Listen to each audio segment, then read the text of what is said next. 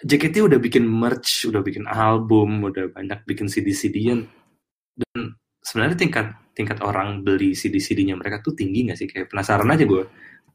Atau atau kayak cuma menikmati menikmati ininya doang, apa namanya? Uh, fan service visual, yang oleh iya, visual membernya. dan video klip gitu. Kan yeah. ada video klip yang banyak view-nya bukan karena musiknya ada juga kan. Mamen Podcast.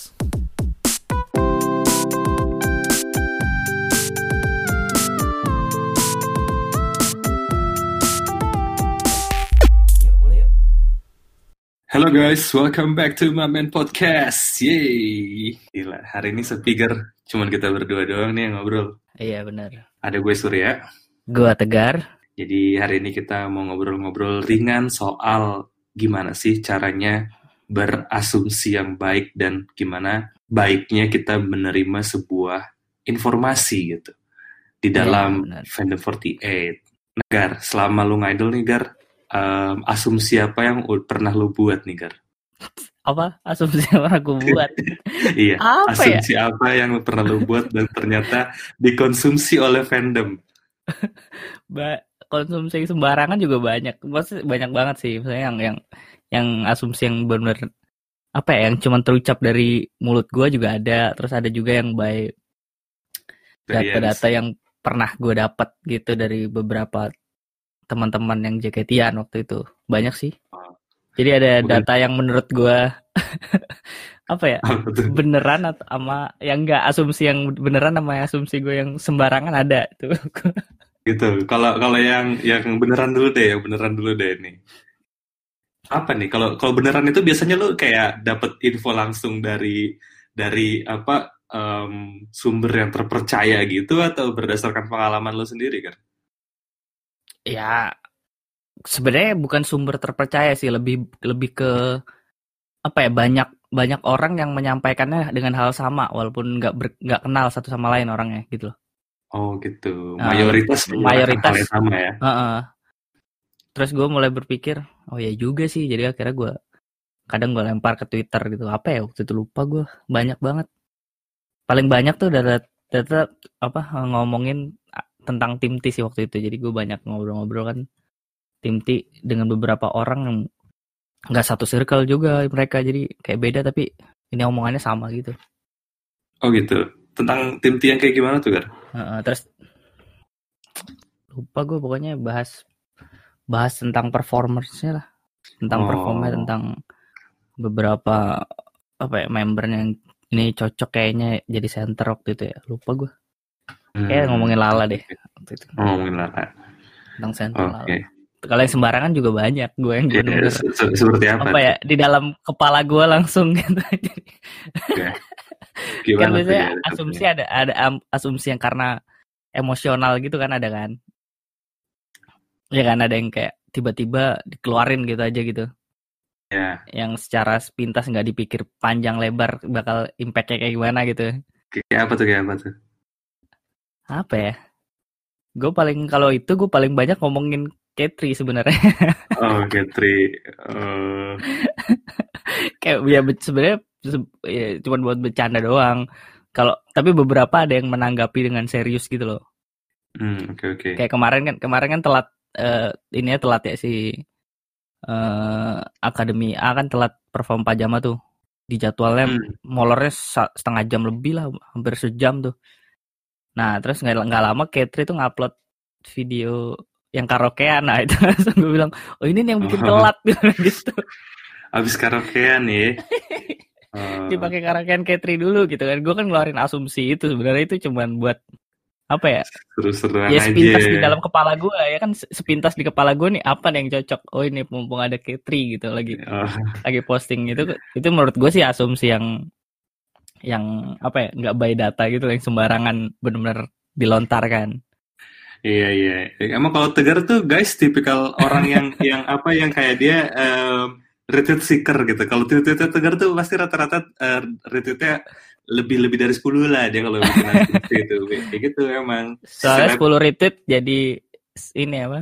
Jadi duit mah jadi duit. Jadi duit. Iya si si ada tuh dibayar tuh ya. dibayar. Suruh ngonten. Kalau gue biasanya gini Gar, biasanya kalau nemu nemunya tuh hal-hal yang kayak gini.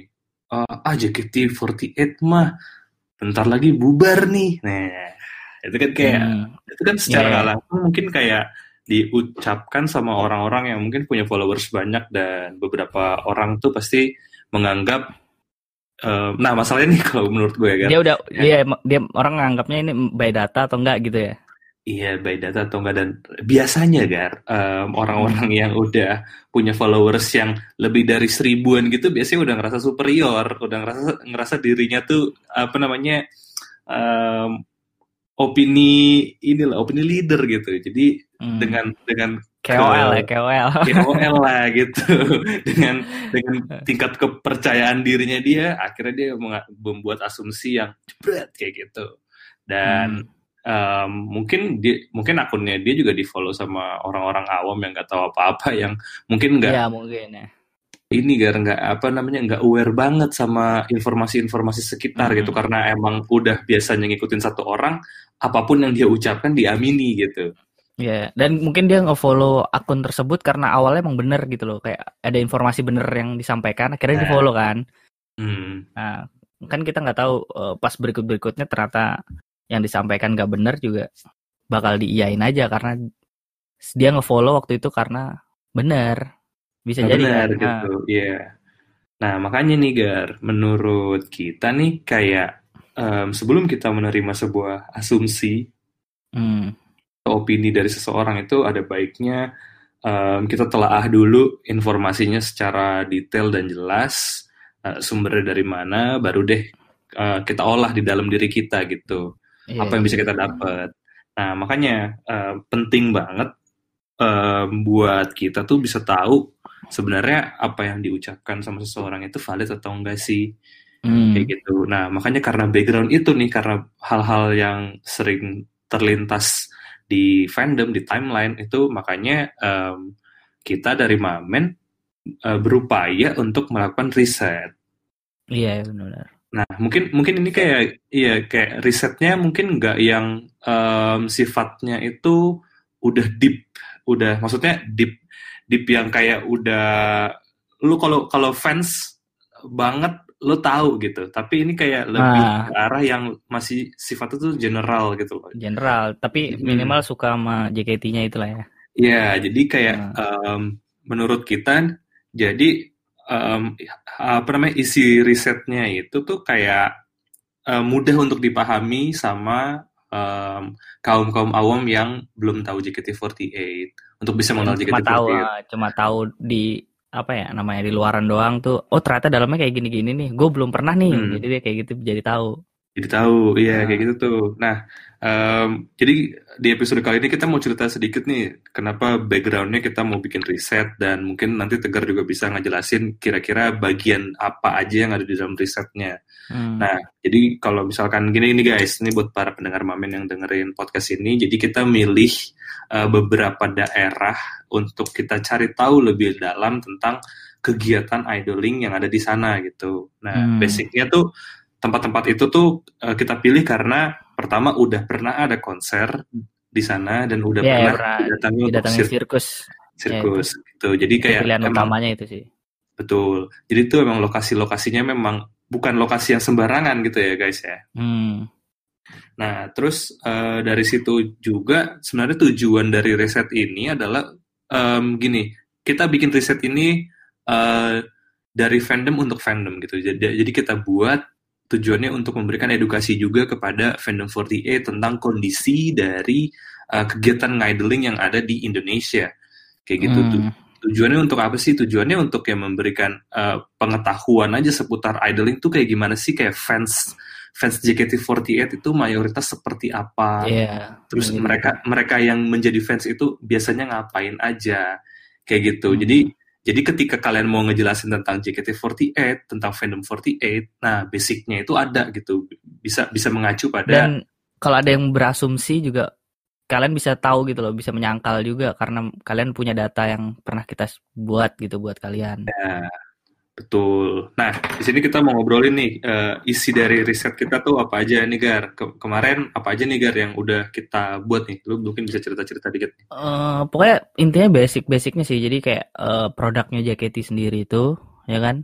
Sama yeah. behavior ngidol lu di apa ngidol lu di JKT itu kayak gimana jadi produknya kayak teater merch CD mm-hmm. gitu gitu ya handshake voting segala macam nah behaviornya ya itu lu apa rajin teaternya atau oh, rajin handshake-nya atau lebih suka uh, di sosial rame di sosial media doang atau datang off air kayak gitu-gitu sih lebih hmm. kayak gitu kan okay. tujuannya apa ya biar ya biar tahu juga sih kita kayak oh ternyata nggak sembarangan nggak apa ya, yang selama ini kita pikirkan tuh beda gitu sama data kan data lebih ini ya lebih real ya dibanding persepsi kita masing-masing gitu kan ya misalnya persepsinya kita ah nih Anggota cuma datangnya kalau ini doang nih misalnya kalau handshake Sosenkyo doang misalnya.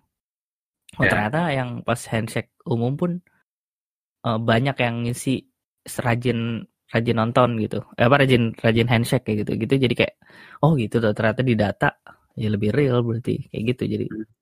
Dan kayak bisa memberikan insight juga gitu buat fandom dan buat uh, JKT48 sendiri ya kayak misalkan contohnya gini deh kayak um, kita selama ini kalau datang ke acara handshake festival itu kayak, wih ini rame banget nih. Hmm. Yang datang kan. Nah, cuman kan kita tujuannya selalu apa kan? Tujuan ya, orang beda-beda tuh. Iya. Tujuannya ah, ngapain sih orang di sana gitu? Apakah mereka yeah. mau handshake atau mereka mau nonton konser doang atau mereka mau nikmatin um, stage fotografinya? Nah, jadi di situ yeah. kan kita kita bisa tahu kita lebih bisa tahu. dalam. Benar. Hmm. Ya, berarti oh behavior orang ke handshake tuh ternyata macem-macem. Ya menarik yeah. sih. Itu yang yang mau kita apa ya? Ntar kita bikin uh, kita lempar juga sih hasil-hasil apa? Hasil, hasil dari penelitian kita, ini. Dari, ya. uh. Kayak gitu dan yang paling menarik lagi malah bahkan gini Gar, um, ini bisa ngebuka ngebuka insight juga untuk para member JKT48 sebenarnya fans itu memilih idolanya berdasarkan apa? Berdasarkan apa? Iya, di, di ya, situ kan? ada pilihan. Nah, ya, kalau lu kalau lu pilihnya apa tuh kemarin, Gar? Kalau gua milihnya cantik udah pasti ya cantik, cantik. visual oh, ya, ya visual masalah ya. ya kan ada visual ada yang kepribadiannya sama gitu gitulah ya bukan baca hmm. sendiri lah di ininya ya iya yeah. kalau gue sih kayak dari fisikan alam gue iya. Si, si ada tuh alam mem, iya. alam memilih ya. Lu Dapet dipilih alam gitu, gitu. kamu harus memilih dia. Gitu iya. keren juga. Kayak tadi pagi gue ngelihat ada daun tiba-tiba bergoyang gitu. Da daunnya daunnya daun-daun yang yang tipis. Wah ini member jaket yang bentuknya tipis sih wah bentuknya tipis. Kayak gimana? Rambutnya tipis terus udah cocok lagi ya cocok lagi tuh. Nah kayak gitu kayak gitu kan kayak ibaratnya hal-hal apa ya agar ya yang kayak mendasar mungkin bisa diketahui juga sama iya, seperti gitu. Iya bener-bener. Setuju gue. Jadi kayak nggak nggak berarti nggak sebenarnya tujuan kita emang buat dari fans untuk fans, tapi bisa dipakai sebenarnya buat member dan official juga ya kan? Betul banget kayak gitu. Uh, nah buat teman-teman yang uh, udah follow Mamen pasti udah sempat ngelihat apa sih namanya flyersnya dan kita udah ngepin tweet juga, nge ngepin tweetnya juga, jadi kalian bisa nemuin dengan lebih mudah gitu ya uh, hmm. uh, surveinya di sana dan di di description eh di mana namanya di di, bio ya di bio. Jadi kalau di Instagram di bio, kalau di Twitter ada di pin tweet kita. Oh, ya. Nah dan juga teman-teman yang mau ngisi survei kalau bisa diisi secara serius isinya. Karena hmm. karena gini gar kayak eh, ini bukannya jumawa atau gimana ya? Cuman eh, memang hal-hal yang bersifat edukasi di di dalam fandom JKT48 itu menurut gue masih minim. Jadi apa akan yeah. akan lebih baik kalau misalkan data yang kita dapat juga valid gitu. Kalian kalian ngisinya yeah, baik juga dan kita ngolahnya juga ngolahnya juga serius juga karena ini proyeknya bukan proyek yang hura-hura gitu ya kak kita yeah. mengeluarkan mengeluarkan tenaga uang dan hmm. banyak hmm. kita pokoknya serius lah pokoknya serius hmm. buat proyek ini jadi benar-benar emang tujuannya buat ya apa ya ya edukasi lah buat kita semua iya buat edukasi benar jadi kalau bisa yang isinya uh, serius Ya, waktu kan ini banyak ya. Jadi ya cari tempat dan waktu yang baik lah. Iya, waktu yang baik. Hmm. Dan kita juga uh, punya deadline ya untuk untuk pengisian survei ini yang nanti akan kita announce soon di uh, apa sih namanya di di account kita. Yeah. Jadi yeah. kalau kalian udah dengar podcast ini langsung aja um, ya langsung ya, ya langsung aja nyari Tapi dengan... siapkan waktu ngopi ya. sambil ngopi gitu kan Tapi sih bang kopi nih bang kopi Bang Kopi, Bang, Bang Sony nih sama Rinda nih. Bikin, bikin kopi nih. Sony kalau dengerin nih, ya kita ada yeah. salam nih. Ada promosi. Bisa Promo. kan ngisi sambil di ini ya kopinya Son Son? Bisa, bisa. Mantap. buat, buat ini sama Rinda. Iya. Ini berbayar ya, berbayar. Berbayar. Jadi teman-teman yang mau mau naruh bisnisnya di podcast Mamen ya bayar gitu bisa kabarin kita kok tenang aja ya terus apalagi nih kira-kira yang yang menarik dari ini ya pokoknya kita ntar bikinin ya infografisnya lah gitu-gitu hmm, ya dari segi, segi visual datanya semoga uh, ya, bisa enak juga lebih enak di ya. nikmati ntar mungkin ada artikelnya juga kita bikin ya terus mungkin Pokoknya, ada podcast ya. berikutnya tentang bahas ini banyak kita bisa bahas banyak ya. hasil dari itu Iya, banyak banget sih. Dan dan kayak hal yang pengen gue tahu ya Gar, ya, sebenarnya yang pengen banget gue tahu. Fans JKT48 itu um, namanya juga gini, JKT48 kan um, musisi bisa dibilang mereka musisi gak Gar? Bisa kan? Hmm, bisa lah ya. Kan? Bisa bisa. Bisa sih kan ada akustik kayak JKT akustik tuh musisi tuh kan. bisa bisa produknya mereka musik kan dan mereka menjual musik mereka yeah. gitu. Nah sebenarnya yeah. kayak JKT udah bikin merch, udah bikin album, udah banyak bikin CD-CD-an dan sebenarnya tingkat tingkat orang beli CD-CD-nya mereka tuh tinggi gak sih? Kayak penasaran aja gue. Atau atau kayak cuma menikmati menikmati ininya doang, apa namanya? Uh, fan service visual, yang diberikan oleh iya, visual dan video klip gitu kan yeah. ada video klip yang banyak view-nya bukan karena musiknya ada juga kan yang karena okay. pengen nah itu juga kita biar tahu juga kan benar-benar mm-hmm. gue juga gue juga penasaran sih dengan hal itu jadi jangan lupa isi ya guys ya. Iya benar. Gue juga apa uh, apa yang bikin gue pengen mengamati dari hasil survei ini adalah uh, kan banyak orang bilang fans JKT mah itu itu aja gitu kan.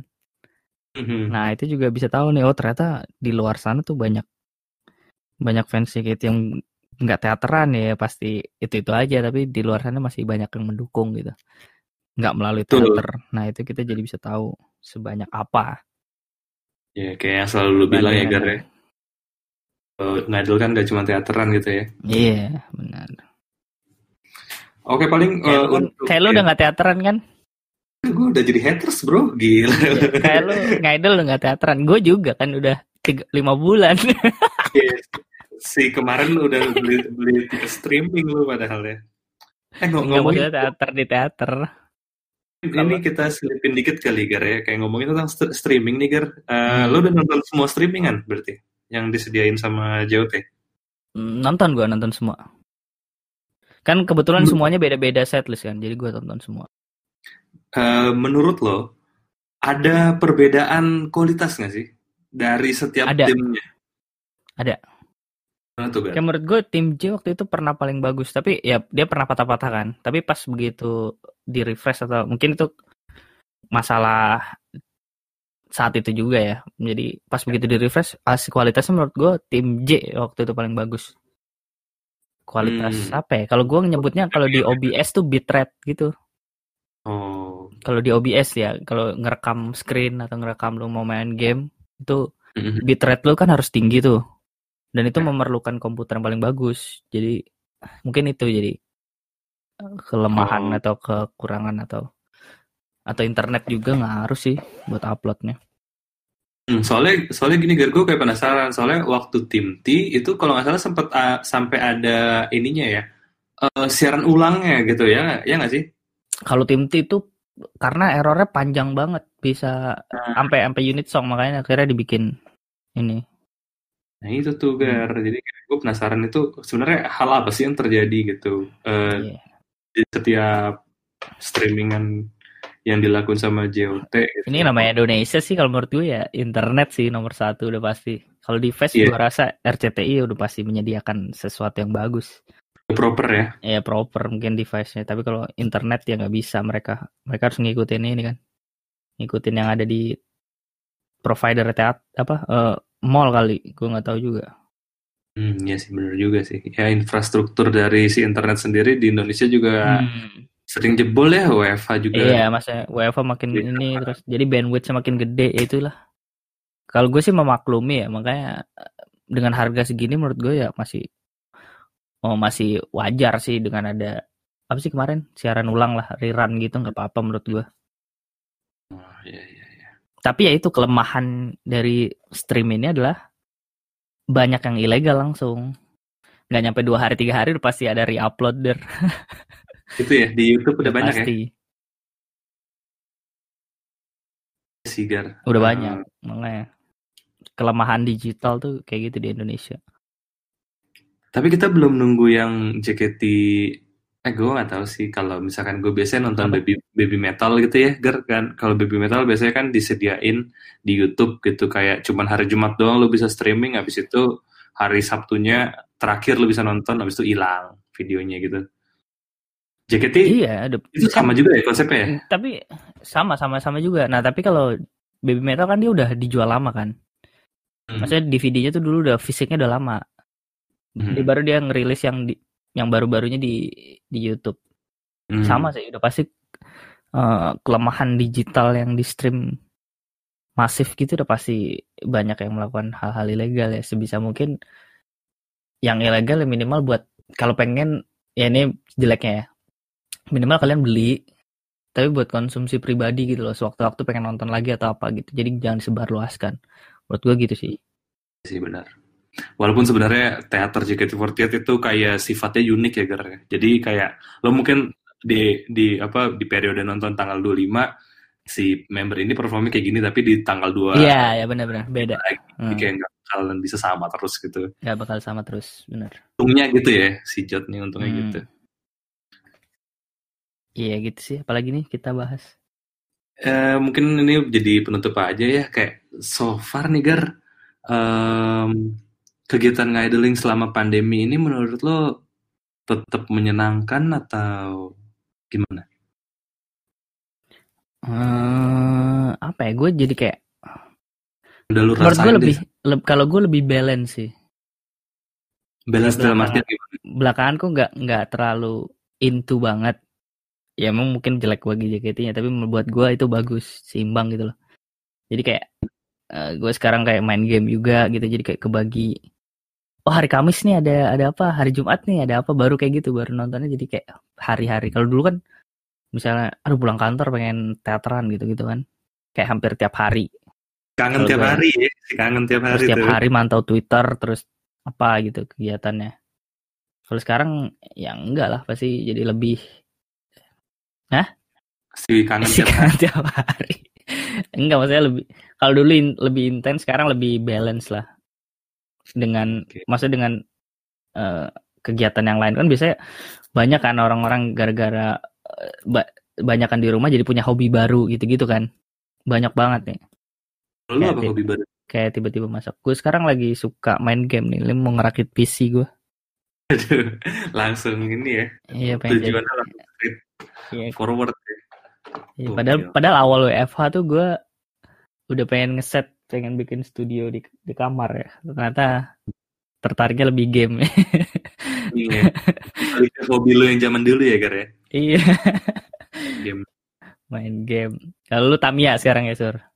Oh, gue jadi pembalap Tamiya mini di Jalankan Tamiya gue di tengah Covid anjir. Iya, aneh banget nih lagi Covid malah ada bener Tamiya. Iya bahaya. Makanya lu beli alat beli alat di rumah apa beli track di rumah udah paling benar. Iya kalau kalau nggak DIY DIY gitu loh bikin sendiri DIY. bisa. Gue kayak cuman modif mobilnya doang sih. Gar soalnya kayak track tamnya tuh sangat memakan tempat kan. Beneran ya? Iya emang. Ya, jadi Tapi kayak di. Di, di depan yang itu cukup lah. Nggak cukup oh, ya? di ruang tamu situ. Oh jangan deh kayak. Nggak bukan di ruang tamu. Yang di atas lu depan kamar lu itu itu kayak menurut gue pas deh cukup sebenarnya sih bisa aja sih cuma Iya kan? itu, itu gue pakai buat tempat olahraga sih Gar. jadi kayak Iya. Ya kan bongkar pasang bisa dibongkar pasang gitu. Tapi si PR sih banyak pasang. waktu. Iya. Di, di kantor juga gue gitu dulu. Semangat awal-awal nih bongkar pasang baru. Lama-lama, ayo siapa yang masang malas udah malas. si males kan iya gue tahu Iya banget masang nih bener sih. Ya, tapi mau gimana lagi loh daripada nggak dipakai nggak dipakai jalan Tamianya kan nggak tahu jadinya. Hasil ker- hasil kulikan lu tuh kayak gimana kecepatannya atau loncatannya kan nggak tahu. Itu yang harus ditahunya di track. itu dia makanya gue ke BSD kan si niat. bahaya tuh ya. Oke, ya udah paling em, ini aja yang bisa kita obrolin hari ini. Jadi once em, podcast ini keluar, kalian langsung cari survei yang udah kita bikin. Oke, Iya guys. benar. Benar. Oke kalau gitu eh, gue Surya.